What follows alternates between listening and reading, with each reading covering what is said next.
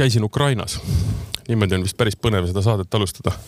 ja enne kui te mõtlete seda, et äh, Ukraina võrdub Javelinid ja, ja rindejoon, siis tegelikult Ukraina on meeletult suur, seal on ka hoopis kaugemad piirkonnad, kus on rahu ja inimesed tegelevad sellega, millega nad igapäevaselt on tegelenud. ja täpsemalt me käisime sest ma ei käinud seal üksinda, käisime Transkarpaatias ja veini toomas ja see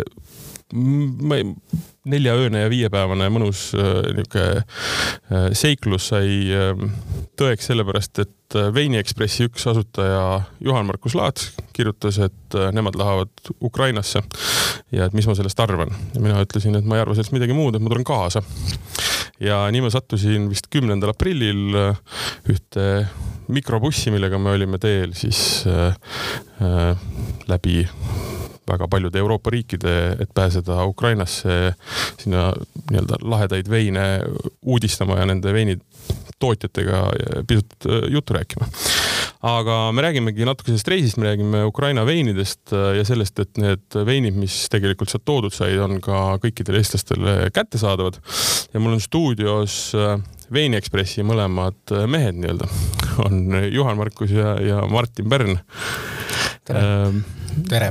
Te olete siin varem juba käinud, nii et tee oli tuttav. tee oli eelmine tuttav, jah. eelmine kord me rääkisime lihtsalt sellest, äh, millega te tegelete, aga nüüd me käisime natukene seiklemas ja ma mõtlesin, et äh, hästi põnev oleks rääkidagi sellest, et, äh, et mida me nägime, mida me kogesime ja, ja mis tegelikult võib-olla selles piirkonnas Ukrainas toimub. sest ma ütlen, et kui ma hakkasin niimoodi ääri-veeri rääkima kas oma vanematele või, või kodus elukaaslasele, et kuule, et ma tahaks Ukrainasse minna, siis ma ei osanud nagu kuidagi arvata, et mida sellest arvatakse. sest esimene reaktsioon ongi see, et noh, et, sa lähed sõdivasse riiki. aga, aga tegelikult me olime nii kaugel sellest äh, piirkonnast, kus mingi jama on, kui, kui vähegi võimalik aga ühesõnaga, me hakkame rääkima nendest veinidest, me hakkame rääkima nendest inimestest ja, aga räägime natuke alguses sellest, et, et miks me üldse sinna läksime, et kust see idee tuli ja, ja, ja, ja miks selline, miks selline käik üldse? no me hakkasime mõtlema, et äh, Ukrainas on halvad lood, et äh, mida saame meie teha. ja Martinil muidugi tekkis see geniaalne mõte, et aga me tegeleme veinidega kas seal on äkki ka mingeid häid veine, mida saaks ka eestlastele pakkuda? ja me kuu aega otsisime, suhtlesime kõikide veinimajadega, mis me leidsime, suhtlesime Eesti Maksuametiga, et kuidas neid saab tuua üldse. ja siis lõpuks jõudsime nii kaugele, et lihtsalt lähme ära, lähme, lähme käime seal ära, proovime. nii saab kõige parema, kõige kindlama selguse majja, et ja me üldse ei kahetse, et me teadsime, et need veinid ei tohiks väga halvad olla. me olime üllatunud, et äh, kui kvaliteetsed, kui palju armastust seal kohapeal on ikkagi veinide vastu. ja Eestis seda väga ei tunta, et kui öeldakse, et Ukraina vein, siis mõeldakse mingit magusat lörri. hoopis vastupidi, kui otsida ja et äh, tegelikult Ukraina veini tootmine sai uue hoo taga, sisse, ütleme kümme aastat tagasi või. ja seal on paradoksaalselt, kui Krimm äh, vallutati, siis äh, Krimmi jäid ju kõik suured veiniaiad. mis tähendab seda, et äh, ukrainlased hakkasid mujal rohkem veini tegema, no Odessa kandis tehti ja Karpaatides ka ju varemgi, aga siis sai nagu uue hoo sisse ja praegu on Ukrainas sada viiskümmend, umbes sada viiskümmend väikest veiniaeda, mis on siis uued, uue põlvkonna omad. Need on inimesed, kes on äh, väga palju käinud äh, Hispaanias, noh, igal pool maailma riikides veine tegemas, õppimas ja on selle know-how tagasi toonud Ukrainasse ja hakanud siis ise vaikselt äh, põlve otsas tegema. enamus neist on väga väikesed, nad teevad äh, väikseid partiisi, aga ülikvaliteetseid veine, sest nende eesmärk ei olegi ju maht, vaid, vaid just see kvaliteet ma ütlen, et kui ma mõtlesin selle aasta oma veinireiside plaane läbi, siis Ukrainat ma seal ei näinud ma ei osanud isegi arvata. ja kui äh, Juhan ütles, et äh, teil on plaan minna, siis ma noh, ma ütlesin, et äh, see ei ole, ei ole muud võimalust, et ma tulen kaasa. ja et kui te läksite sinna veine tooma ja nii-öelda noh mit-, mitmel nagu eesmärgil äh, nii-öelda sinna nagu äri tegema või noh, suhteid looma, äri tegema, aitama, see kõik on täna kuidagi selle riigiga sihuke üks sümbioos, eks ju. siis noh, mina ajakirjaniku ja veinihuvilisena tahtsin lihtsalt näha, mis mis piirkond see on, kuidas seal asju tehakse ja peaasjalikult just sellepärast, et noh ei ole ju tegelikult kellelgi plaani, noh, rääkimata, et Ukraina enne sõda, aga nüüd sõja ajal minna sinna nii-öelda nagu veine uudistama. et selles mõttes äärmiselt põnev. aga nii palju, kui ma teada sain, siis tegelikult ikkagi see piirkond ju veini mõttes suri välja mm, siis, kui Gorbatšovi nii-öelda alkoholi äh, keelu ajal, siis äh, tegelikult viinaväedid kõik välja siis korjati või noh, ma arvan, et mitte korjamisest oli asi kaugel, nad ikkagi kisti maast välja. ja, ja see tagasiistutamine algas vist üheksakümnendate. üheksakümnendate keskpaigas kõige vanemad äh, väedid ongi sealt üheksakümmend viis ja nii. ja mis selle juures on hästi põnev, on see, et kuna neil ei ole absoluutselt mitte ühtegi reeglit, siis nad äh, kasva, kasutavad seda võimalust hästi loominguliselt ära ja nad on istutanud sinna hästi veidraid ja täiesti nii-öelda võib-olla sealt piirkonnast mitte kuidagi mitteloogilisi äh, siis sorte kuigi Karpaatides on ikka furminte selline noh, traditsioonilist ka, aga just täpselt sealt äh, Musta mere ääres, et, äh, et no ma ei tea, Ukraina Alvarinho ei kõla justkui tavaline vein või. sellele ma suudan isegi oma pea nii-öelda ümber kerida. aga näiteks, aga just ma just tahtsin sinna jõuda, et kui ma nägin nimekirjas pinotaaži, siis ma tundsin ainult ühte asja, et ma pean seda saama proovida. ja see oli tõesti hästi veider, sest et äh, pinotaaž on mari, mis on ju ikkagi täiesti ainult Lõuna-Aafrika praktiliselt selle riigi jaoks nii-öelda välja töötatud ja, ja mis oli hästi põnev, oligi see, et see konkreetne vein, mis me seal kohapeal maitsesime, oli pudeldatud sõja alguspäeval, eks ju kakskümmend neli vist oli. ja, ja ta oli selleks hetkeks ikkagi väga-väga noor veel, et, et ta on võib-olla seal pudelis ja, ja seal kohapeal maitsedes ei olnud nii veel ideaalne, aga, aga ta oli niisugune noh, sihuke õhukene ja mitte halvas mõttes, vaid niisugune pinot noir'lik ja mõnus mitmekihiline ja, ja selline marjasust ja kõike oli seal väga palju jah.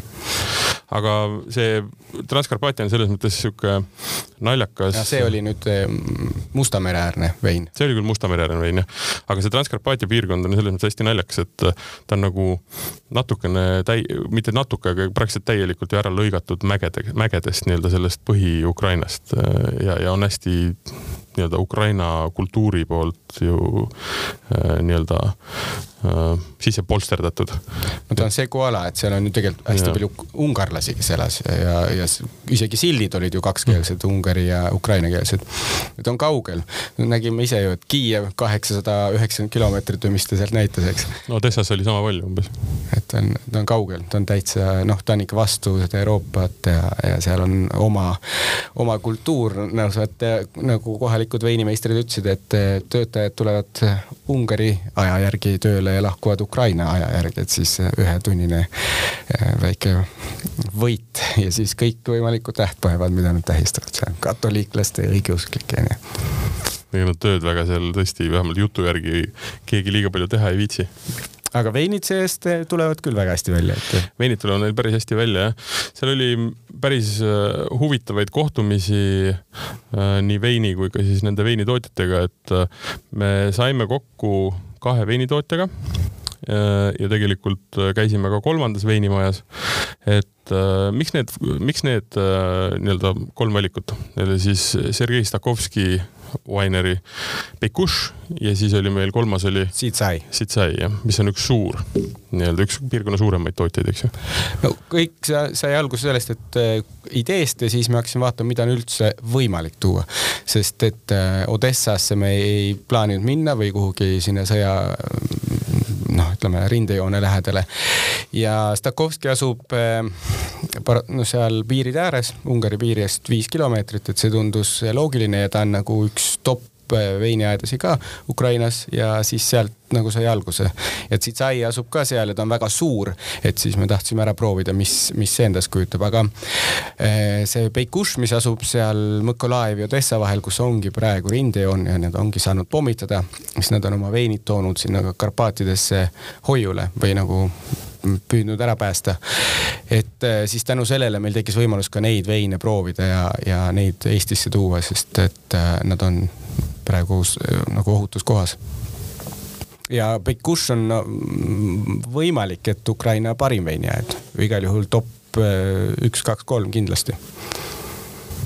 seda võib kinnitada küll jah. See maitseprofiilid ja siuksed huvitavad veinid olid seal kindlasti nii-öelda paremas või noh, kõrgema kvaliteediga kui võib-olla teised, mis me seal maitsesime ja no Beikushi puhul on veel see, et nad on need katsetajad, et nemad äh, püüavadki nagu aru saada, milliseid marju üleüldsegi on võimalik äh, Ukrainas kasvatada ja sellepärast nad on toonud neid tempranillot ja pinotaaži ja kõiki sinna, et vaadata, et mis, äh, mis seal toimib ja millest head veini saab. tundub, et kõigest ma tahaks mainida veel, et tegelikult see nendega suhtlemislugu oli ka suht põnev.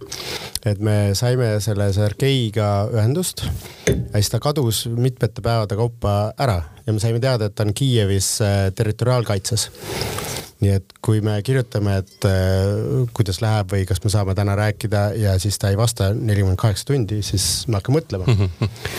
ja lõpuks ta äh, andis oma sekretäri või assistendi numbri ja saime temaga pidevalt suhelda ja nad ise pakkusid Beikushi ka, sest nad on äh, omavahel äh, sõbrad, tuttavad. Ja just äh, Beikushi jäägi, Beikushi pudelid olid ka kõik toodud Sergei enda lattu, nii et mis asub siis seal, kus me käisime, et no ma mainin ära siis selle, et see Sergei Stakovski, kelle veinid on ühed, mis Eestisse nüüd jõudsid, on äh, Ukraina kõige kuulsam, kõige edukam meestennisist. et ta vist oli ATP rankingus, ma arvan, mingi kolmekümnes äkki, võitnud seal nii-öelda seda ja toda.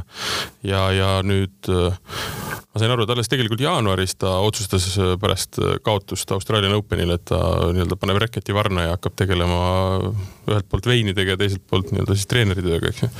Et äh, üsna, üsna nii-öelda sihuke mit-, mitmes, mitmes nii-öelda maailmas sees olev, olev mees.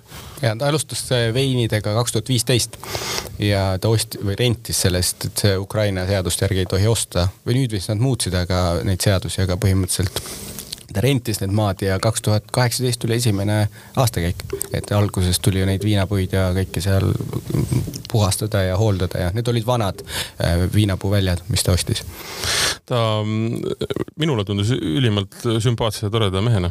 ja, ta on väga laadna väga laadna, teadis täpselt, mis toimub ja äh, just veinide nii-öelda vaatenurgast. ma saan aru, tema ajalugu on see, et ta läks Bordeaux tenniseklubisse mängima ja seal, äh, olgugi tema arvamus oli, et üks tippsportlane ei peaks tegelema õhtusöögil veini joomisega, seepärast et hommikul on trenn ja siis on võistlus, siis on trenn ja siis tuleb magada. siis äh, tegelikult noh, prantsuse kultuur on natuke teistsugune. ja ta, ja ta sealt kõrvale ei jääks, siis ta tegelikult hakkas nii-öelda maitsma ja, ja siis on pisik nii kõvasti küljes, et äh, meil on oma veiniaed. kuigi ta ju alguses ütles, et ta ei proovinud ja siis mm -hmm. ta oli seal paar mingi aeg ju selline outsider, kes sõi õhtul suppi ära ja läks magama, aga teised jäid seal veini jooma ja arutama kõigest, et ja siis ta mingil hetkel ütles, et noh, hästi, andke mulle siis ka veini. ja, ja tal alguses see, need Bordeaux parimad veinid, mis seal olid, et ta neid ei ütles, et mulle ei maitse. ja, ja, ja mulle meeldis, et ta oli tagasihoidlik selles osas, et, et tal, ta ei ole eriline veinitundja ega veinisnoob, aga et tal on olnud õnne proovida väga uskumatuid nii-öelda aastakäikusid uskumatutest Bordeaux majadest ah,. väike märkus, miks, miks see on võimalikuks saanud, on see, et see, selle klubi, kus ta, mille eest ta mängis, selle suursponsorid olid praktiliselt kõik Bordeaux tippkruud et noh, ütleme nii, et oli, oli võimalik käia seal keldrites siis ringi tuulamas aga teine maja, mis, kuhu, kus me ei käinud, aga mille veinid jõudsid kohale, oli siis Peikuš. ja, ja nemad on need nii-öelda eksperimenteerijad, kus siis pinotaaž oli nii-öelda pudelis ja, ja ka Alvarinho, aga mis minule jättis näiteks kõige kuumema mulje, oli selline segu nagu Riesling ja Chardonnay see oli väga põnev jah. mida ma olen ka rääkinud äh, siin Eestis paljudele, et äh, sihukest asja sai joodud ja kõik on korraks jäänud tummaks. sest seda kahte marja nagu tihti kokku ei panda, kuigi see ei ole ebatavaline. Kanadas vist on see levinud neid kokku mm -hmm. panna, aga mm, jah, ei üldiselt sa ei näe sellist segu. aga Svetlana, kes oli nii-öelda sealt äh, veiniajast meiega kohtuma tulnud, ütles, et äh, miks see on niimoodi kokku pandud, on see, et see Otessa või noh, ütleme seal selle, selle kandi Chardonnay on palju vähem happeline, aga palju magusam. mis tähendab seda, et tal on seda selgroogu vaja ja siis paaritati kokku riislinguga ja see riislingu selline petrool ja, ja natuke õlisus. vürtsikus ka. vürtsikus andis sellele veinile hästi-hästi laheda sellise olemuse, hästi joodav, samas mitmekihiline, kallis ka suhteliselt selline tõsine, väike istandus, kui nad teevad kolmkümmend tuhat pudelit aastas, siis äh, neil on vaja natuke raha tagasi saada ka, et aga see on see, see on see istandus, mis sa ise mainisid ka, et, et võidab sellest, et Ukrainas ei ole reegleid mm. -hmm. et sa ei, sa võid igale künkale pääle panna ükskõik mis viinamarja tahad ja nemad just teevad seda ja võib-olla kõige paremas mõttes ja siis, kui me olime neid äh, veine seal erinevaid maitsnud ja, ja, ja juba täitsa minu niisugune register oli üsna täis erinevatest äh, nii-öelda uutest maitsetest, siis me läksime veel ühte vinoteeki. ja, ja, ja, ja seal selgus, et äh, õigemini tegelikult Svetlana rääkis sellest natukene varem, aga sai maitsta ka ja ma ostsin mõned pudelid koju kaasa ka. kui ta rääkis selle loo, kuidas Odessa kandis kas see oli aastal kaks tuhat kaheksateist või kaks tuhat seitseteist, kui nad olid Chardonnay marjad ära korjanud ja halvema nii-öelda siis valiku jätnud puude külge rahulikult sinna oma lõppu ootama. ja siis olid mingil hetkel läinud nii-öelda uudistama ja avastanud, et oli tulnud Botrüütis. see oli Stakovskil? ei, see oli Pekušil Stakovskil oli lihtsalt üks, üks desert pandud käima, kahte vaati, aga see Botrütis Sinarea ehk Noble Rot ehk väärishallitus, see oli, oli, oli seal Odessa kandis olevale marjale peale tulnud. Nad olid nii-öelda siis ära põletud marjad ära korjanud ja sellest väga laheda, tegelikult üsna siukse elegantse veini teinud et no ma ütlen jällekordselt, et äh, mitte mingeid reegleid teevad, mis tahavad põhimõtteliselt. ja see on tegelikult ju mänguruum missugune, eks ole, ja, ja see on hea koht, kus nad kasvatavad marju, sest ta on poolsaare peal. seal on pidevalt tuuled, et see hoiab neid seenhaigusi ja kõike tegelikult ära.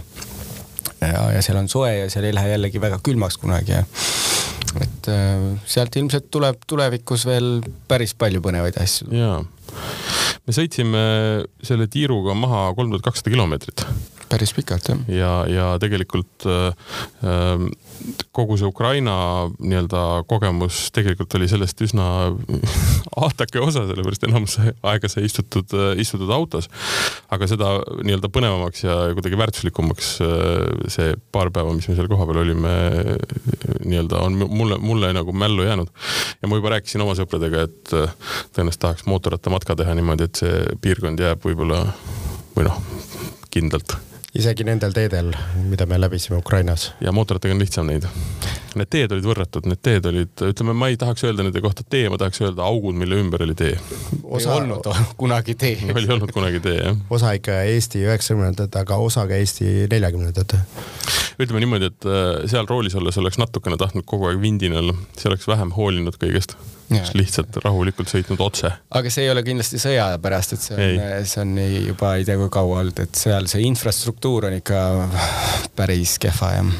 aga samas, nii kui sa keerad äh, selle infrastruktuuri pealt maha nende veiniaedadesse, nii on kord ja, ja ilusti nii-öelda hooldatud põllud ja seal on küll kõik perfektne, et selles mõttes ongi sihuke äh, veider nagu, et ümbrus on nagu mm. väga kehvas seisus ja sa näed, et siin on olnud midagi ja, ja siin on mingid varemed ja nii edasi ja, ja teed on kohutavad, aga siis sa lähed veiniaeda või mõndasse restorani, kus on fantastilised toidud ja kõik on nagu esmaklassiline jällegi, et. see oli minu jaoks natuke sihuke, kuidas ma ütlen niisugune kakofoonne olukord, kus sa ühelt poolt vaatad telefonist äh, nii-öelda uudiseid, mis toimub äh, selle riigi teises otsas ja siis äh, kõnnid sa äh,, anna mulle, nimeta nüüd see linn, mis seal piiri peal on. Ušhorod. Ušhorodis vanalinnas vinoteek ja seal on inimesed tunnevad rõõmu, söövad hõrgutis Itaaliast, Prantsusmaalt, joovad head veini ja neil kuidagi nagu tundub, et noh, kindlasti ei saa öelda, nad ei hooli aga kuidagi selline. no isegi, mis seal oli, et nad olid, inimesed, kes olid Ukrainas venekeelsed ju olid läinud ukraina keelele üle, et noh, see ja. juba oli päris suur äh, äh märk, eks ole, mis toimus, aga see Vinotek oli iseenesest väga tore, et seal olid äh, kohalikud maitsed, eks ole, noh Moldovast ja, ja need ümbruskaudsed riigid ka, et mida meie kandis nagu väga ei leia, et Moldova tippveinid, et see oli väga põnev ja noh, muidugi Ukraina enda omad ka loomulikult me olime seal kaks ööd ja ühe päeva tegelikult, et ma arvan, et sihuke nädal jäi puudu, et, et. nädal jäi igal juhul puudu, jaa sest et nii palju, kui me seal ringi sõitsime, siis iga mäenuka peal oli järgmine aed ja järgmine silt ja, ja põhimõtteliselt oleks sealt saanud rahulikult nagu nädala veeta. pluss rääkimata sellest, et inimesed ülitoredad. väga-väga meeldivad inimesed, et äh, teed halvad, äh, majad kõik räämas isegi lipud ei olnud nii säravad kui Eestis, kuigi selgelt näha, et on hiljuti pandud rohkem igale poole tänavatele. aga inimesed tõesti, kõik on sõbralikud, kõik on haritud. nii kui nad kuulevad, me oleme Eestis, kohe muidugi suured kallistused ja hurraad see on, toob mulle alati meelde jah, kunagised käigud Gruusiasse, kus ilma selleta, et peale selle mainimist, et oled Eestist pärit, ei saanud nagu ilma pokaalita kuskilt lahkuda eriti. see on niisugune selle külalise lahkuse üks vorm, mis, mis sealkandis, mis sealkandis on jah aga te võtsite kaasa kaks veini ka, mis on selles tellimusvalikus ka sees, mis praegu on avalik. räägi, mis veinid ja miks need? Mm, me võtsime praegu kaasa siis äh, kummaks või kahest veiniaiast Stakovski ja Pekuš. Stakovskilt võtsime Saperavi, mis on äh, küll Gruusia mari, aga see on traditsiooniliselt ka seal Ukrainas kasvatatud ja noh, üldse Musta mere ümber. väga imeline tulemus valasin sulle just välja, saad proovida ja öelda, mis sa arvad ta ütles küll, et ta hoiatati, et Saperavi võib-olla Ukrainas ei tööta aga ta ei kuulanud. ja jumal tänatud, et ta ei kuulanud, sest et äh, see on, ma arvan, tõenäoliselt meie lemmik tema, tema veinidest. selles mõttes hästi põnev, et ta ostis äh, kas ma eksin, kui ma ütlen sada viiskümmend või oli kakssada nii-öelda kasutatud äh, Prantsuse tamevaati ja, ja kakssada jah, ja pani praktiliselt kõik oma punased veinid äh, kenasti nii-öelda tammele. ja me maitsesime sealt nii-öelda otse vaadist ka neid erinevaid ja seal oli samamoodi väga nii-öelda põnevaid ja siukse suure potentsiaaliga nii-öelda tooteid. aga arvestades seda, et, äh, et ta on nii lühikest aega tegelikult selle asjaga tegelenud, siis on üliselgelt nagu välja kujunenud äh, sihuke käekiri et just sihuke nagu hästi Bordeaux, sihuke Bordeaux'le mõtlev tammest lähtuv stiil, eks ju. Ja väga Bordeaux'lik ja, ja., ja ta, ma ei tea, kas ta siis tahab nüüd matkida või teha Ukraina versioon Bordeaux'st. aga, aga selge see, et sealt on oodata uudiseid, sest et nagu ma ütlesin ka enne, et ta kaks tuhat viisteist alustas ja kaks tuhat kaheksateist esimesed aastakäigud ja need vajavad veel küpsemist. Need vajavad väga palju küpsemist. et aga sealt ilmselt tuleb mõne aasta pärast väga põnevaid asju, et ähm, ja, ja noh, ta küll ei taha kunagi suureks saada, nagu ta ütles, et see eh, kus ta oli kolmkümmend, nelikümmend tuhat pudelit aastas, et see on see, mida tema tahab teha ja tal ei ole tähtis, et ta teeks nagu kõigile, vaid ainult eh, tippe ja eh, restoranidele. see Saperavi kaks tuhat kaheksateist on väga-väga hea vein. niisugune kreemine ja pehme marjane tanniini on, on vähe, seda tammi ei ole ka väga palju tunda, aga ta on niisugune. vaat me maitsesime neid äh, nooremaid ka mm -hmm. ja seal oli, oli, see muutus nagu peaaegu üleöö ja kas ta oli kaks tuhat kakskümmend ja kaks tuhat üheksateist. jah, just. ja, ja ta ise ütles ka veel seda, et ta oli meie tulekust äh, siis paar kuud varem proovinud seda kaks tuhat üheksateist või kaks tuhat kakskümmend, emba-kumba nii-öelda. see mm. kakskümmend oli väga-väga ikka toores, aga üheksateist oli ja, ja paar kuud tagasi oli ka sama toores olnud. just ja, ja kahe kuuga oli toimunud muutus, mida me seal ka maitsesime, et ta oli veel toores, aga ta oli ikkagi noh, juba veini, veinilaadne selline väga-väga põnev, et äh, ja, ja ikka väga tõsiselt suur, tõsiselt suur tootmine iseenesest, kui sa mõtled äh, noh, et alustad lihtsalt äh, ideega, et tahaks veini teha, sellepärast et sa oled kuskil kogenud head veini ja siis hakkad lihtsalt otsast, otsast nagu tegema.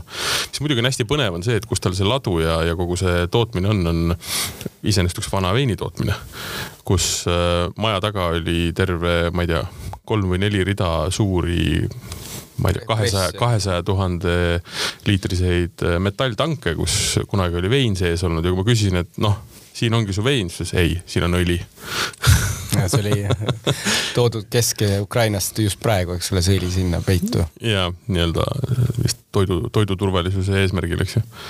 aga, aga et kõik see tootmine, noh, nii nagu ikka, äh, lahtise taeva all ja, ja, ja nii-öelda suurtes, suurtes metallist masinates. aga ma saan aru, mure oligi selles, et tema tootmine on piisavalt väike, et, et mingeid masinaid, mingeid masinaid ta ei saa nagu hästi kasutada, et plaanib seal natukene rekonstrueerida ja et äh, teha oma käe järgi, üldse seal viinapõldude juures ka ta tahtis ju seal ümber teha kõik nagu see degusteerimisruumid, mingi vana küün maha lõhkuda ja ideid on tal ikka väga-väga palju, et väga huvitav, mis tema istandusega veinidega on viie aasta pärast juhtunud, kümne aasta pärast, et. ma arvan, et see üks asi on, mis ideed on, teine asi on see, aga kuidas neid asju tutvustada, sest ma saan, üks lahe lugu, mis ta veel ju rääkis, on see, et tema istanduste, kas ma eksin, kui see oli Saperavi põllu taga, teise, järgmise nii-öelda mäe siis äh, sees on vana kullakaevandus. ei, selle sama mäe otsas sama mäe otsas, aga, aga oli see Saperavi põld, eks ju, Saperavi marjapõld, mille all on siis kullakaevandus ja siis äh, mõte ongi vist, et, et see on kulla peal kasvanud äh, marjad kõlab ju väga. intrigeerivalt jah. glamuurselt. glamuurselt jah. ei no eks see veinimaailm ongi glamuurne, ega see tegemine ja tootmine on väga tavapärane või see on põllumajandus. põllumajandus jah. see ongi üks asi, millest tuleb aru saada, et see on põllumajandus, seal ei ole mingisugust, on tootjaid muidugi, kes on üli high-tech ja marjad musitatakse ja katsutakse ja pestakse, nad ei kohtu õhuga enne seda, kui ta tuleb pudelist nii-öelda mulliveini näiteks välja. aga tegelikult on ta üks mõnus, mõnus marjakasvatus lihtsalt ju. raske töö, noh, ütleme marjade korjamine ja kogu see hooldamine ja see on suur-suur töö seal jah. ma tegelikult tunnen, üks asi, mis ma hakkasin mõtlema seal kohapeal oli see, et, et ma oleks tahtnud tegelikult sinna Odessa kanti ka minna. see oli võib-olla üks niisugune asi, mida oleks võinud nagu noh kuna me neid vaid, veine maitsesime, nende, nad olid täiesti teistsugused kui need Transkarpaatia veinid. et äh, hea meelega võtaks selle, võtaks selle teekonna ette, aga noh, arusaadavatel põhjustel, eks. no praegu on ju kolm piirkonda Ukrainas, üks ongi see Odessa ja Bessaraabia, mis seal Moldova kõrval on mis on võib-olla see praegu üks vanemaid ka seal ja siis see Dnipro, mis on seal keskel, et aga noh, kahjuks äh, hetkel ei ole see võimalik, et ma usun, et kui see sõda ükskord läbi saab, oleks äh, üks väga äge reis sinna kõikidesse nendesse piirkondadesse ja kindlasti mitte kaks päeva Sergei küll pakkus, et võib minna küll, et äh, tema ise oli vist valmis minema. ta oli Harkivis ka just käinud ja Butšas, et noh, selles mõttes muidugi ta oli valmis. ja siis ta ütles, et tal on aga ainult kaks kuulihiilet vesti, et meid oli kolm, et siis, siis, me... siis see mõttekoht, see takistus. me jah, siis tänasime teda suuremeelselt ja otsustasime mitte minna. just täpselt, et aga üks asi, mis, mis võib-olla veel äh, põnev selle juures, et äh, see piirkond, olgugi et on võib-olla tundmatu, olgugi et me ei ole neid veine seal nagu maitsnud, siis tegelikult äh, nii-öelda noh, potentsiaali on seal nagu meeletult. Ja, ja mis on hästi põnev veel selle juures või mis annab nii-öelda siukse, kuidas ma ütlen, kindluse sellega, sellele, et kui sinna minna, siis on võimalik seal nii-öelda inimestega kohtuda ja hästi esiteks mõnusalt aega veeta, teiseks hääd veini nautida, on see sama moment, et neil on nüüd nagu sisuline vajadus müüa see vein mujale kui Ukrainale. Ehk et ma kujutan ette tegelikult, ma arvan, et see ei ole päris nii, aga näiteks ma ei tea, võib-olla te vaidlete mulle vastu, aga näiteks kolm aastat tagasi kui sõbralikult nad oleksid või kui entusiastlikult nad oleksid nagu vastu võtnud äh, meid äh, näiteks olukorras, kus neil ei ole nii-öelda külalismaja või, või mingisugust äh, kohta, kus veini pakkuda ma vaevalt. ei usu, et nad oleksid nii võib-olla avatud süli ei, olnud, vaevalt, vaevalt, sest nad ja. ju põhimõtteliselt äh, keskendusid ainult ju Ukrainale. Nende eesmärk ei olnudki ju eksportida, noh arvestades neid kogusi, mis nad toodavad, nad suudavad kõik koha peal ära müüa, et see Beikuš äh, ju tegelikkuses neil on probleem, noh siiani enne seda, et neil ei jätkunud veini mm, -hmm. et nad teevad seda Alvariniot või Chardonnay Rieslingu segu, et noh, neid ongi ju viis tuhat pudelit ja need lähevad kõik Kiievi restoranidesse ja, ja jääb puudugi. aga noh, nüüd on need kinni või puruks pommistatud et nüüd nad peavad otsima ja see ongi nüüd nendel nädalatel nad on ju esimesed ekspordiasjad ja noh, nad polegi varem eksportinud, Eesti on esimene eksporditurg. ah tõsiselt või? aa, okei okay,, ma mm -hmm. no noh, tegelikult nüüd hiljuti nad said ka Jaapanisse midagi mm -hmm. saadetud mhm. ja, ja siis eh, Stakovski on küll Bordeaux baari restorani ju midagi viinud, see Saperavi oli seal. ja seda ma mäletan jah. aga üldiselt nad ei ole ju otsinud eksporditurge absoluutselt. et selles mõttes on hästi unikaalne moment tõesti, kus saab äh,, saab neid veine tegelikult Eestis kätte ehk et need ei ole, küsimus ei ole mitte selles jah, et, et, et nad oleksid kuskil nurga taga olnud või et ei oleks nad olnud tuntud, vaid noh, nad ei olegi siia kunagi jõudnud. Nad koha peal juuakse kõik ära lihtsalt. Sergeil oli hästi lihtne olukord ka, et tal oli üks edasimüüja, vahendaja Ukrainas, kes põhimõtteliselt ostis kõik, kogu tema veini ära. jaotas äh, tipprestoranide vahel ära ja, ja suur põnts tervele Ukraina kvaliteetveinitööstusele, sellesama firma ladu Kiievi lähedal hävitati täielikult ära venelaste poolt ja sinna läks ka palju tema veine ja see firma nüüd pankrotis ka muidugi. nii et eh, meie tulime õigel ajal nende jaoks, väga õigel ajal ja meil on lihtsalt väga hea meel ka muidugi neid aidata, et. Sergei ütles seda, et tal on kaks äh, nagu suunda pärast profikarjääri lõpetamist, et üks oligi see veini pool ja teine oli see, et tal oli Kiievis vist äh, suur nii-öelda tennisehall ja tennisekeskus, eks ju. ja nüüd on ainukene, ütleme, ülimust huumor, eks ju. aga et tõenäoliselt on äh, veini vallas oodata väga lahedaid uusi maitseid ja, ja võib-olla ka suurenemist, sellepärast et tennisehall sai pommitabamuse või mürsutabamuse ja sellega ei ole hetkel nagu midagi teha seal, et. jah, no loodetavasti see sõda ei, ei noh, sinnani ei jõua kunagi, pluss nad saavad jätkuvalt toota neid veine, et jätkuvalt saavad neid marju hooldada ja neid korjata ja, ja, ja veini selles pressida. sest neil on ju tegelikult suured probleemid, et seesama pudelitehas, kus ta pudelid ostis seal Hostmelis, eks. see sai ka tabamuse, et Ukrainas ei ole enam ühtegi firmat, mis toodaks klaaspudeleid. ja nüüd äh, nad otsisidki ju, tema leidis Moldovast äh, aga, pudelit. aga kvaliteet madalam. täpselt. ja ei taha neid kasutada väga jah. täpselt, et äh, aga see on ju tõsine probleem, et kui sul on vaja pudeldada ja sul ei ole pudeleid, et mis sa teed siis. et, ähm, et noh, see kõik on päris keeruline neil aga no ma usun, nähes neid ukrainlasi ja nende sellist entusiasmi ja võitlustahet ja kõike seda, et no küllap nad need veinid ka ära teevad ja küll nad, nagu nad ise ütlevad, võidame niikuinii, et eh, siis äh, ma arvan, et sealt tuleb üks uus Euroopa veinimaa, mis on väga põnevate veinidega, eks. päev pärast seda, kui me Eestisse tagasi jõudsime, ma sain, või noh, ma vaatasin nii-öelda uudiseid Ukraina kohta ja siis oli üks kaart, kus äh, eelmisel ööl oli antud, millistele piirkondadele oli antud täielik siis nii-öelda äh, pommitus, äh, nii-öelda hoiatus. praktiliselt kogu Ukraina oli, oli punane ainult üks koht ainult üks piirkond, mis oli nii-öelda, elas, elas oma elu rahulikult edasi ja see oli seesama Transkarpaatia, kus me käisime. see oli seotud selle Moskva laeva põhjalaskmisega mm, -hmm. et mhm. see oli just siis ka jah. ajas venelasi veits marru pisut pisut, jah. aga mis mind tegelikult üllatas, oligi see, et äh, jutud loomulikult olid sõjal nagu kogu aeg natukene. või noh, käisid nii-öelda siukse järellainetusena ja kajana nagu kõikidest tekstidest nagu läbi, aga siukest mingit väga sügavat äh, siukest nagu sõjatunnet või, või, või sellist äh, patriotismi tunnet ma nagu küll ei tajunud seal, et nagu võtsid nagu rahulikult seda kuidagi. no nad on selles sõjas juba tegelikult kaheksa aastat olnud, et ta nüüd on suureks läinud, aga noh, mingisugune harjumus on ilmselt tekkinud ja. aga no seal oli vist see point või see nii-öelda olukord samamoodi, et kui me paneme selle mingisse loogilisse sellisesse arusaadavasse äh, taustsüsteemi, siis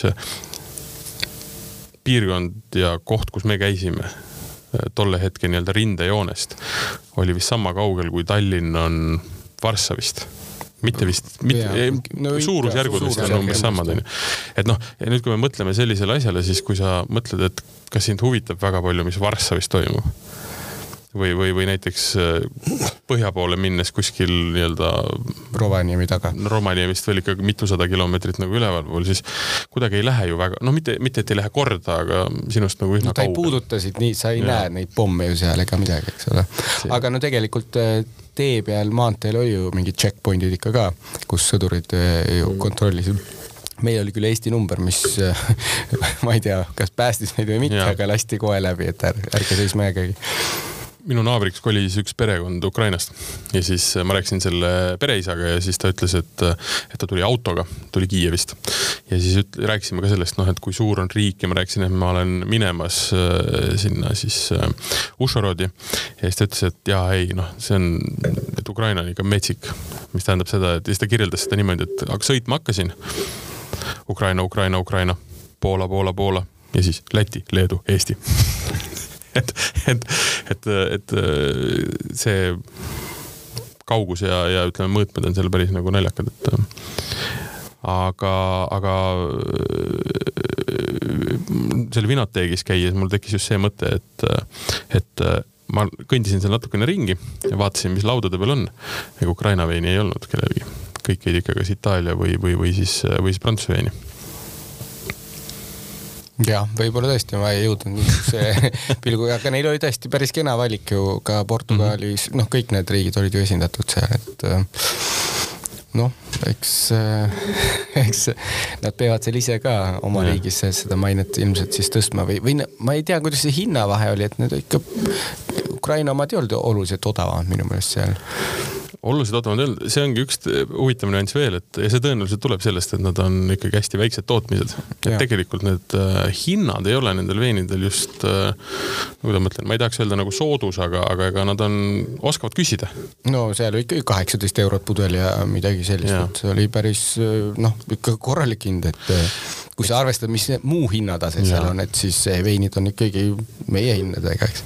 vaata, kuna meil oli pikki päevi vaja veeta autoroolis või selle rooli kõrval istudes, siis me uurisime igasuguseid põnevaid numbreid. kas ma eksin, kui seal ütleme, mediaanpalk oli üheksasada, ei, ta oli tõusnud ikkagi üle tuhande nüüd juba onju ei, mediaanpalk oli kaheksasaja kanti. mediaanpalk oli kaheksasada, aga ongi see. keskmine võis olla nagu, nagu üleval. aga, aga need vahed Kiievi ja nii-öelda siis nende pi kaugemate piirkondade vahel olid ikkagi päris röögatud. ja Kiievi sees ka kindlasti. ja, et, et see tekitaski minus küsimuse, et ka kui Stakovski oma veine müüs seal juba kodulehel kas kümne, viieteist ja, ja sealt üles euroga, eks ju. et noh, see on ikkagi tõsised numbrid, ütleme. aga vaat Kiievis on mitu, neli, viis, kuus miljonit inimest mm. -hmm seal on raha ikkagi nagu muda no,. seda küll, jah. seal on väga palju IT-tööstust. väike töö, väike tootmine, vähe pudeleid, äh, kuulus kuulus inimene. Peikuši kolmkümmend tuhat pudelit läheb seal nädalavahetusega ära, kui on väga vaja, et kui on väga vaja. mulle meeldib see. ütleski, veinifestival. et nad ei jõua neid kätte anda, et kui tuleb see uus, no enne seda loomulikult jälle et.... mulle meeldis see ka natukene, kuidas Sergeile endale ei meeldinud see, et tema pudelite peal on pilt temast mängimas tennist, õigemini servimas no tal on nimed ka Ace ja, ja, ja, ja, ja teisel ma ei mäletagi, seal oli vist. Ace on tema põhiline Ace kollektsioon. ja siis ta ütles seda, et kui tal tuleb täishooaeg, kus ta ei ole mänginud, siis ta paneb uued sildid. aga ma hakkasin mõtlema, et tegelikult ega väljaspool ei mängi see mitte mingisugust rolli seespool ta on ikkagi väga tuntud äh, tennisist. ja tänaval ikkagi inimesed astuvad juurde ja küsivad autogrammi ja pilti teevad, eks minu arust me nägime kaks korda nägin mina en, tema enda seal veinimaja juures või nii-öelda veinistanduste juures tehti pilti ja kuskil oli veel, et ikkagi tuntud nägu. ta on tuntud nägu jah, aga ütleme, see tennisemängija pilt on Ukraina nagu need siltidega, mis on Ukraina turule mõeldud ja need, mis ta siis toob nüüd välja Euroopa Liidust, siis sinna ta ei ole neid pannudki peale kuigi ta ise ütles muidugi, et seal on üks tennisemängija nagu suvaline tennisemängija peal. ütles jah, et üks tennisemängija. Prantsusmaal on ka tuntud jah. no Bordeaux kindlasti. aga neid lugusid oli seal äh, tohutult. Et kuidas ja mida ja, ja, ja mis tingimustes ja, ja, ja, ja üks huvitav nüanss oli veel see, et mm, kas ma eksin, kui nad olid nüüd äsja loonud nii-öelda väike, väikeveinitootjate ühenduse ja see oligi aasta või midagi taolist vana, seal ongi sada viiskümmend liiget ja seesama on... Peikuši juhataja on selle juht ka ühtlasi. ja, ja Svetlana ütles seda, et äh, ütleski, et noh, et, et selle numbri, kui palju on liitunud selle ühendusega või selle, selle seltsinguga, siis ikkagi see number lõi mind korraks nagu, nagu jalust. aga nad on väiksed kõik, eks? ja, aga kõigil on huvi, kõik ja, saavad aru, et selles on väärtus olla, olla koos ja, ja, ja, ja see tähendab ka seda, et neil on huvi nii-öelda, ma ei tea, ühisrindena nii-öelda müüa seda veini. ja no ma arvan, et Ukraina puhul peale seda, seda on nagu kõik asjad, aga veinid on kindlasti, sealt on oodata väga palju uudiseid ja väga põnevaid uudiseid, et, et nad katsetavad praegu ja neil on neid, neil ei ole ju neid reegleid, ma usun, et nad teevad mingil hetkel need reeglid, aga, aga praegu on see katsetamisperiood tõepoolest ma arvan, et on väga kaugel nende reeglite tegemisest. võiksigi olla kaugel. ja ma arvan, et võikski olla kaugel. võib-olla olekski parem jah, et, et reegleid ei tulegi um,. ja, et, et ei tea, aga noh, ütleme hetkel see olukord on ikkagi traagiline seal, et noh, okei okay,, Karpaatides on töökäte probleem ja nii edasi, aga seal Mõkolajevis, kus ikkagi viinamarja istanduses on pommid, et sul on see põld on pomme täis seal sai üks tööline pommiga pihta, kes lõikas neid väete kevadel mm. sai surma, eks ole, et noh, see on ju kohutav ja tegelikult ma vaatasin nende kodulehte, seal oli üsna sageli on ka need sellesama ühenduse, kus on jällegi su, mingi surmateated, kes on rindel surma saanud, mingi veinitegija ja nii edasi. et see on, see on päris kohutav ja et noh, ütle üldse, et ka aastal kaks tuhat kakskümmend kaks meil on sihuke probleem Euroopas, see on ju, see on jabur. see on jabur aga noh, ütleme ma ei, ma ei, ma ei saa seda õnneks öelda, aga enamus nendest hukkunutest, kes äh, olid veini, veini nii-öelda valdkonnaga seotud, hukkusid ikkagi rindel, mitte veini tootes või, või, või viinamarja istandusi hooldades, et see on, mis, mis kõige naljakam sealjuures on, et kõikidest olulistest objektidest on need veiniistandused ka seal Odessa kandis ikkagi kaugel-kaugel. et siis sinna mingisuguse jumal teab, mis äh, idiootse õnne, ebaõnne nii-öelda tulemusel satub pomm või mitu, see on.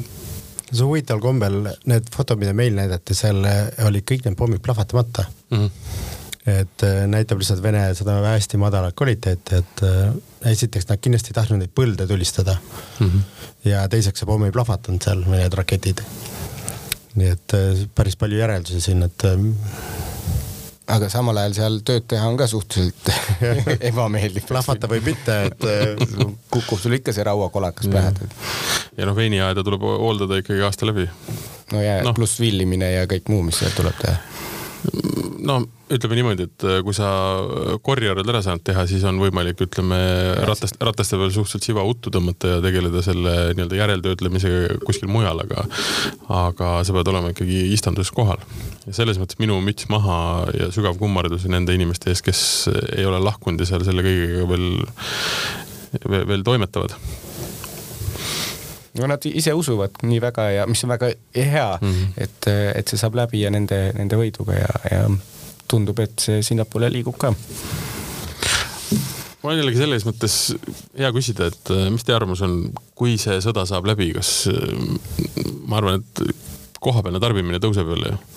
mis tähendab seda, et täna on tegelikult niisugune hea kuldne moment neid veine tegelikult üldse kätte saada no aken on avatud, kuigi nad ise arvavad, et see, see auk on ikkagi mitu aastat. esiteks äh, riik on vaesunud ju, inimestel pole raha, et osta midagi, sest äh, firmas ei ole tööd ei ole.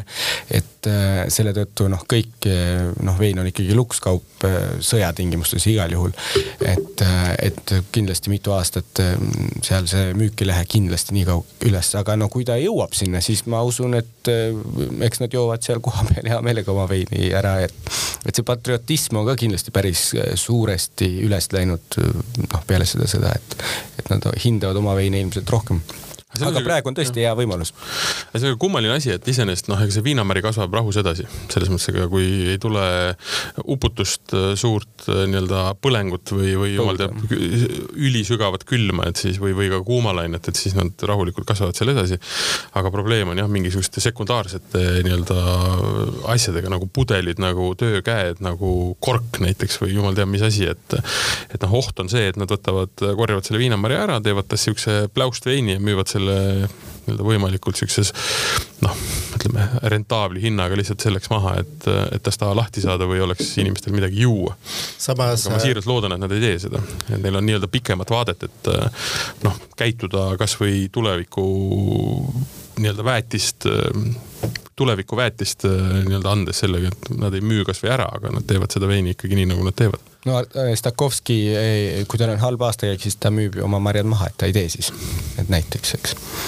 Ma arvan, et igasugused sellised suuremad probleemid, nad tõukavad innovatiivsust ka, et sealt võib tulla igast huvitavaid lahendusi, mille peale veini maramaailm ei ole jõudnudki, et. Ma tahan tõmmata tähelepanu ühele olulisele asjale veel. me räägime kolmest tootmisest saja viiekümnest, eks ju, või veel rohkemast. et võtame, teeme siin nii-öelda üldistusi, aga ma usun, et midagi juba annab nagu nendest rääkida, eks ju, et no kindlasti need väiksed peegeldavad seda uute tootjate asja ja see suur on, kindlasti läheb mingi inertsiga edasi ja nad teevad nagu täiesti teistmoodi neid asju kindlasti. ja noh, usku sellesse, et et nad tahavad seda veini toota ja teha seda kõige paremal viisil, näitab ka seda, et Sergei Stakovski tegelikult noh, täna nüüd saab öelda, et tuleb Eestisse mõnekümne minuti pärast. kui te, kui, kui te seda kuulate, siis ta juba käis et noh, see näitab ka seda, et ta tegelikult ikkagi väga kõrgelt hindab seda, et äh, mingid kutid Eestist võtsid temaga ühendust ja toovad siia veini, et noh, et, et äh, maailm on tegelikult hästi väike, et see ei olene üldse kes sa oled või, või mis sa varem oled teinud, et kui sa suudad abikäe ulatada, mis see tegelikult natukene on. sest et kõikides rasketes oludes kõige nõmedam on ikkagi see, kui keegi hakkab sulle nagu toetust andma, kes inimene tahab nagu toetust saada, jah, ta tahab toetust saada korraks, aga siis ta tahab oma eluga edasi minna. et mulle nagu hästi meeldis see, et nende silmis oli sihuke tohutu tahe kogu selle, kogu see muu mitte unustada, aga, aga pääseda sellest ja tegelikult oma nii-öelda asjadega minna edasi kui, kui, kui, kui tootmise, kui, kui äriga jaa, absoluutselt ja noh, ütleme nagu me saadet alustasimegi, et me ei tahtnud lihtsalt toetada, et viia mm -hmm. sinna mingeid asju või raha, et see, see ei olegi see, et mõte, et me ikkagi teeme nendega äri ja nad saavad oma tooteid müüa ja Eestis nüüd üheksanda maini saab ju neid tellida ja siin isegi eh, Kadriorust on üks tellimus tulnud, mis on päris rõõmustav meie jaoks. Äh, jah, kes koodist aru ei saanud, siis äh, me räägime presidendi kantseleist yeah., kes, kus on need veinid olemas, et kui te jääte ilma, siis te peate ennast sinna sisse rääkima ja saate sealt neid veine maitsta, aga ma tahtsin öelda seda, et mul tuli selle vii-, asjade viimisega üks lõbus seik meelde. me viisime ka sinna asju. ja meil ei läinud tühjade kätega. meil ei läinud tühjade kätega, meil olid äh,, sõitsime mähkmekoormaga mõne patareiga ja meil oli ka tatart, Herkulad ja tatar. paarsada kilo tatart. paarsada kilo tatart ja oli toimunud diskommunikatsioon Eesti, Mondo ja siis seal kohapeal see nii-öelda selle äh, nii-öelda pagulasabi ettevõtte või organisatsiooni vahel. et äh, nad ei saanud meid vastu võtta sellel ajal, kui me tahtsime ära anda oma, mis oli nelisada kilo. noh, kaks alust. kaks alust. viis-kuussada. viis-kuussada kilo nii-öelda äh, siis humanitaarabi. ja kui me saime lõpuks selle akna nii-öelda, et kus me saaksime selle kauba maha laadida ja jõudsime sinna kohale, siis vaatas meil sealt vastu niisugune kümnepealine pande, kes tahtsid äh, seda transporti teha. ja me sõitsime kohale sellise pisikese mikrobussiga ja nad vaatasid ka väga naljakalt seda tegelikult oligi nii, et nad ootasid buss või suurt rekkat. ootasid ikkagi konkreetset rekka. rekka tuli, aga see lihtsalt eh, tuli järgmisel päeval et pärast nad ütlesid jah, et see rekka, nad arvasidki, et see rekka nüüd jõudis varem. ei, nad olid väga-väga toredad tüübid. meil oli muidugi bussis selleks ajaks juba kogunenud mõned Ukraina veinid, mida me, mis meil oli plaan viia tagasi Tallinnasse. Nad arvasid, et need on ka ju neile. ja nad kohe märkasid teid. ja, ja nad tahtsid need ka ära, tahtsid need ka ära kohe nihverdada jah mm -hmm aga see oli äh, üks äh, selles mõttes ühtepidi raske käik, sest et äh, ma kuni selleni, selle hetkeni, kui me tegelikult Slovakkias piirile jõudsime, kuidagi ei mõelnud sellele. ja siis ma ei oska öelda, kas see oli värin, aga mingisugune niisugune ebakindlus tuli sisse küll, et mis seal nagu teisel pool ootab. ja eriti veidraks muutus see siis, kui me lõpuks, ma arvan, mis see kell oli, pool üksteist äkki, kui me saime nagu Ukrainasse sisse. ja siis ma olen seda varem kogenud aga kui sa eurooplasena sõidad äh, nii-öelda siis näiteks Ukrainasse või Moldovasse või Gruusiasse ka onju, sõidad autoga sisse ja seal ei ole kolme asja, mida sa oled siin harjunud nagu saama. tänavavalgustust, tänavajooni ega ka mitte mingisugust muud markeeringut, nii et kui sa hakkad mööda teed sõitma, siis sa sõidad nagu musta auku. ja arvestades, et tegemist on sõjas oleva riigiga, siis vot see oli see moment, kus mul hakkas nagu keht-, kergelt küsimus, et kurat, mis me, millega me tegeleme. aga siis oli päev nii pikk olnud, et kuna mina roolis ei olnud, ma keerasin magama ja mingil hetkel me olime hotellis ja kõik oli juba hästi. aga no samamoodi, et eh, sõidad bensiinijaost mööda ja need on kinni, järgmine on kinni, järgmine on kinni, siis ühes on müügil üheksakümmend kaks bensiini ja mitte midagi enamat. ja siis see juba annab juba ka tunnistuse, et midagi on ikkagi päris korralikult korrast ära siin? Mina olen käinud Ukrainas, äh, ma arvan, üks kümmekond korda. Ja ta ei väsi mind selles mõttes üllatamast, kui vinge võib olla näiteks Kiiev või, või Odessa. Ja kui haigelt nii-öelda nagu otseses mõttes alaarenenud on tegelikult need väiksemad linnad ja väiksemad piirkonnad. kuigi samas Uus-Gorod jättis väga sümpaatselt mulje. Uus-Gorod väga ilus linn, aga mis on, sa ei lasknud mul lõpetada, minust jäi väga halb mulje praegu ma tahtsin öelda seda, et aga inimesed on alati olnud uskumatult kihvtid ja, ja, ja euroopalikud ja tohutult nagu sõbralikud ja põhimõtteliselt annaks sulle nii-öelda särgi ihu vastast ära, kui seda, seda küsid ja need veinid maitsevad umbes samamoodi. sinna on pandud nagu sisse ikkagi absoluutselt kõik, mis neil on. ja nüüd on lihtsalt küsimus selles, et mõnel on lihtsalt seda kogemust ja aega olnud rohkem ja mõnel lihtsalt vähem jah, absoluutselt, aga no kahtlemata on tegemist äh, tippveinidega ja, ja need äh, siin on kihte ja maitseid on kõvasti ja, ja neid sorte on erinevaid, et, et, ähm, et see valik, mis me sealt tõime, ma usun, peegeldab päris kenasti, mida praegu Ukraina mm. saab või noh, oskab pakkuda või mida sealt on võtta. ja, ja siis tunnetada, mis, mida nad teevad siis eri piirkondades ja eri marjadest ja eri veinimeistrid siis ka mis teid, mis teid üllatas kõige rohkem äh, selle, selle külas, külastuse juures? ma arvan, et sa ise mainisid ka seda, et äh, sõidad ja kõik tundub nagu eelmisest sajandist või üle, üle-eelmisest sajandist. sa jõuad kohale, järsku on väike sihuke koht, kus on, kõik on täielik läänelik või selline kontsentreeritud armastus, kontsentreeritud tähelepanu ja töö. ja sealt tuleb midagi Oiolist välja ja siis tuled sealt välja ja see on jälle sihuke noh lünklik tee ja mina, mina olin tegelikult natukene ikkagi mures nende veinide pärast, enne kui me läksime, ma ei olnud äh, väga Ukraina veinidega kokku puutunud, kui siis vanasti need Krimmi veinid ja ma arvasin, et nad võib-olla midagi taolist ja ma eksisin. Ja ma olin väga positiivselt üllatunud, kui me ikkagi esimese klaasi seal veinikeldris võtsime sealt vaadist välja, küll kuigi noh, toores vein veel, aga see juba andis indikatsiooni, et ohoh, siit on midagi tulemas ma olen sinuga selle või liitun sinuga, see oli ka minu jaoks kõige suurem üllatus ja mitte, aga võib-olla natukene teise nurga alt. et äh, tavaliselt veini valmistaja või siis veinimaja valikus on üks vein alati, mis on, mis on väga hea no ütleme puhtalt tõenäosusteooria põhjal saab, saab seda alati üsna kindlalt öelda. ja, ja ma olin kindel, et mingisugused asjad on seal nagu tõesti head ja me saame seal neid nautida aga ma ei olnud äh, valmis selleks, et me tegelikult valasime järjest klaasi nagu asju, mis olid nagu väga-väga mõnusad no,. hästi sellised äh, ekspressiivsed ja, ja võib-olla kohta ja terroaad äh, nii-öelda rõhutavad, aga samas ka euroopalikud ja meile joodavad.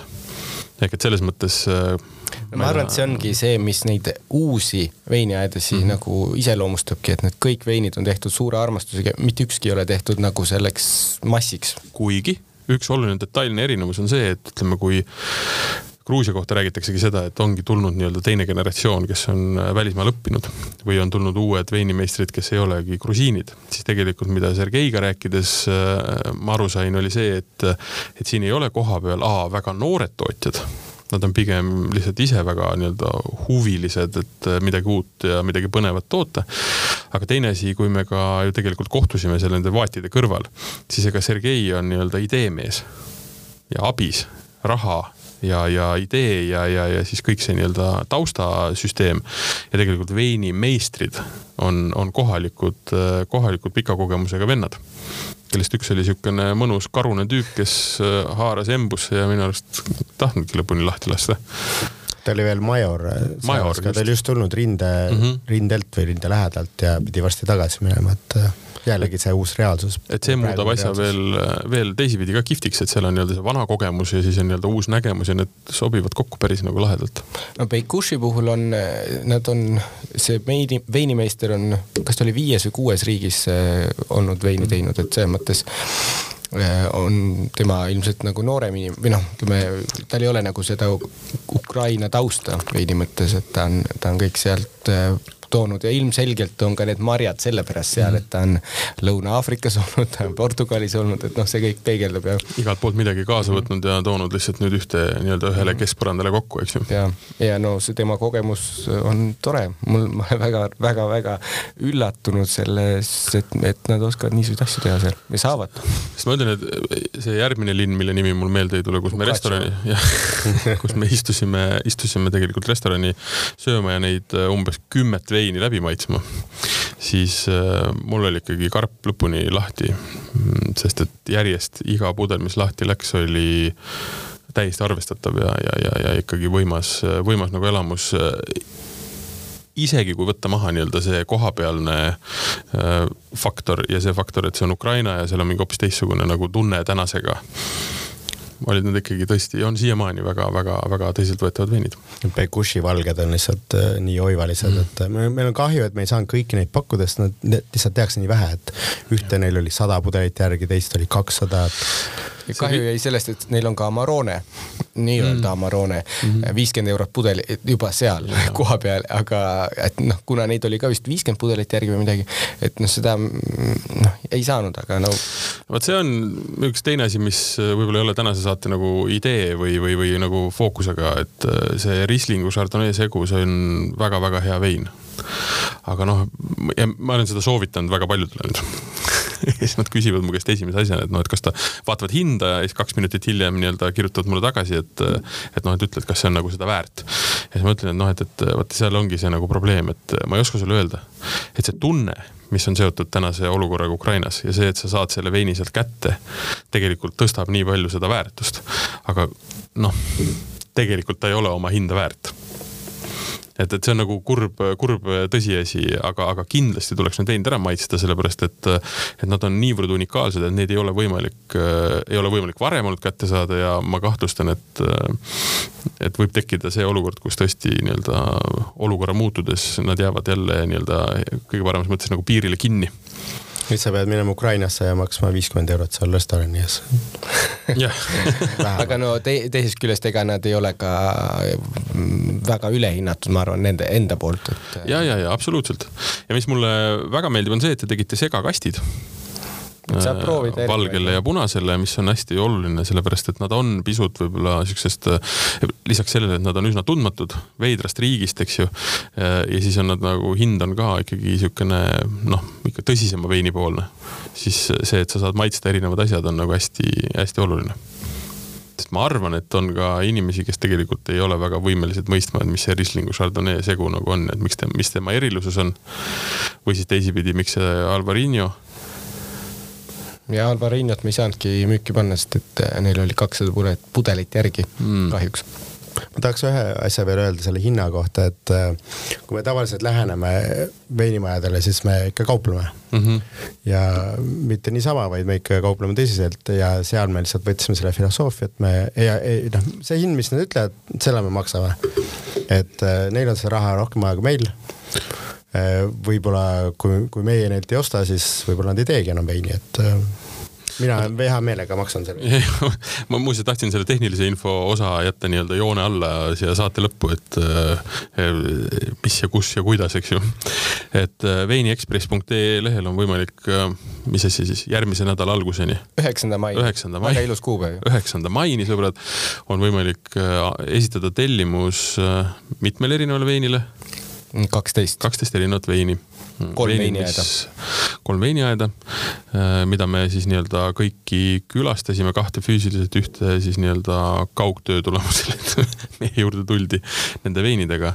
Äh, ma saan aru, et äh, kõik reaalne kasum nende veinide müügist läheb siis nii-öelda Ukrainasse tagasi ja me otsustasime jah toetada, aga me ei, ei pannudki sinna selles mõttes suurt kasumitki peale, et seal, et, et põhikasum on sellest, et nad saavad selle, seda müüa.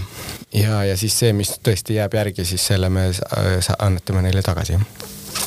Javelini kujul no kas me just Javelini ostame, et nad ise vaatame, mis nad ostavad selle eest ja Need veinid on äh, reaalselt täna Eestis olemas me tõime näidiseid siia, et me teeme mm -hmm. nüüd noh, küll kolmapäeval ehk siis homme degusteerimise, et kus Sergei ise tuleb ja räägib veinidest ja saab proovida neid. aga see on väike kogus, et, et me ikkagi mm -hmm tavapärasel moel, et nii, nii palju kui tellitakse, nii palju me sealt ka ära toome, et midagi lattu me ei too, et, et hiljem ärgata, et äh, nüüd tahaks siis kahjuks midagi ei ole anda. Ja mõne veini puhul on ka nii, et neid võib-olla ostamegi kogu partii ära, et siis ei olegi midagi. Saladuskatte all, kuna keegi meid ei kuula praegu, eks ju. et äh, mingi jutt oli, et võib-olla teha ka teine tellimus seda vaatame, mis üheksa Õunt, õunte pealt, õunte pealt, et kui suur mm. see huvi on ja, ja siis äh, ja noh, nagu oli juttu, et seal on sada viiskümmend veiniaeda. me käisime, tõime praegu kolmest, siis on sada nelikümmend seitse veel jäänud kui teil on kuskil kuklas äh, kratsimas plaan äh, uuesti minna järgmisse kolme või seitsmesse veiniaeda, siis ausalt öeldes äh, ei pea kaugelt otsima kolmandat rooli sest et äh, ma ütlen ausalt, äh, see oli äärmiselt põnev käik puhtalt sellepärast, et äh, ma arvan, et see Ukraina oleks olnud kuskil nii-öelda, kui piltlikult mõelda ühte A4-e, kuhu on kirjutatud kõik nii-öelda piirkonnad, kuhu tahaks veine maitsma minna, ma arvan, et oli kuskil kolmanda lehe keskel äkki või. siis, siis nüüd on ta tõusnud praktiliselt sinna ikkagi top kümnesse ja mitte muul põhjusel kui see, et need inimesed, kes seda tee-, kes seal veini teevad, on niivõrd toredad, teevad seda südamega ja teevad seda veidralt ja teevad seda hästi. sest et veidrus ilma selleta, et kvaliteeti oleks, ei tähenda ju tegelikult mitte midagi, eks ju. jaa, absoluutselt jah. ja noh, muidu ei oleks ju osanud otsidagi, et noh, sellel sõjal on siis vähemasti mingigi positiivne külg ka, et kui, kui see saab üldse midagi positiivset seal olla.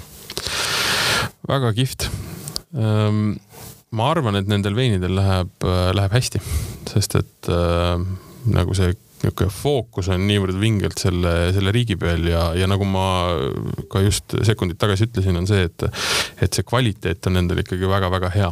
Et see ei ole niisugune järjekordne mõte, et toetaks kuidagi seda riiki, müües mingisuguseid asju või kuidagi luues mingisugust väärtust, eks et see tegelikult on täiesti see on täielik win-win. see on win-win täpselt jah. sa saad väga hea tule-, kvaliteedi ja, ja, ja samal ajal läheb see raha väga õigesse kohta, kes kõige rohkem seda vajavad.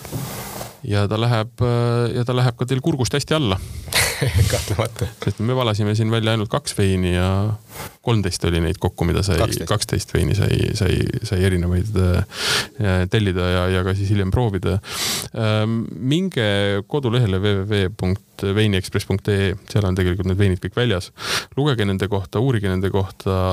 kõikidel nendel veinimajadel on ju väga šefid ähm, kodulehed ka olemas, kus tegelikult seda infot on, on päris palju. ja Facebooki lehed ka, et kus nad mm -hmm. annavad kõige värskemat update'i nii-öelda ostke Ukraina veini ja, ja, ja läbi selle toetate enda nii-öelda siis äh, veiniharidust ja teisipidi ka Ukrainat selles äh, jõledas kogemuses ja jamas, millesse neid mässitud on. ma arvan, et sealt ei ole mitte mingit muud varianti, kui nad selle, selle sõja võidavad ja siis saavad kõik minna juba koha peale ise neid veine ja neid veinimajasid äh, uudistama. kindlasti sinna tasub minna, kui sõda läbi saab, et äh, kõiki asju proovima, nii toitu kui veini ja kõik. no tunnen, me kõik kolmekesi kirjutame sellele alla, et äh, olgugi, et see sõit oli sinna üsna niisugune no, pikk, pikk ja selline tüütu, aga, aga samas tore, siis tegelikult on võimalik ka lennata natukene lähemale tulevik, jah, jah, praegu Kiiev või noh, Ukrainast ei lennata ei saa, eks hmm.. saade, mida te kuulasite, oli Vala välja. Äh, täna juhtis seda ainult äh, Martin. Keiu ja Liisa on oma muude asjatoimetustega seotud. stuudios olid veiniekspress.ee-st Juhan-Markus Laats ja, ja Martin Pärn. me rääkisime sellest pisikesest äh, neljapäevasest, äh, viiepäevasest nelja ööga tripist, äh, seiklusest, mis meil oli Ukrainas, mis minule jättis ikkagi äärmiselt kustumatu ja sellise nagu kripeldava mulje, et ma tahaks täpselt nagu sa, Juhan, ütlesid, sinna veel nädal, nädalaks tagasi minna. ja mul tekkis sihuke ketserlik mõte, et äkki läheks sügisel, kui nii-öelda jumal annab, inshallah, appi korjama. Mootorrattaga? on sul korv ka, et saan, saan, saan ma ka suudada? nüüd on niipidi väga põnev. kusjuures sinu jaoks panen korvi. suurepärane. ma ei saa lubada, et see korv jõuab sinna kohale aga me saame sellega koos siit startida vähemalt Pärnuni. Pärnuni. Ostke Ukraina veini, nautige Ukraina veini. vala välja saade, järgmine teema on ka Ukraina, aga siis me räägime juba teiste inimestega pisut teistel teemadel, võib-olla laiemalt mitte võib-olla, vaid täiesti kindlalt laiemalt kui ainult nii-öelda üks või kaks piirkonda. seniks olge mõnusad, jooge veini, jooge vastutustundlikult vett vahele ja noh, ma arvan, et lõpusõnadeks ei ole muud kui Slava Ukraini. Slava Ukraini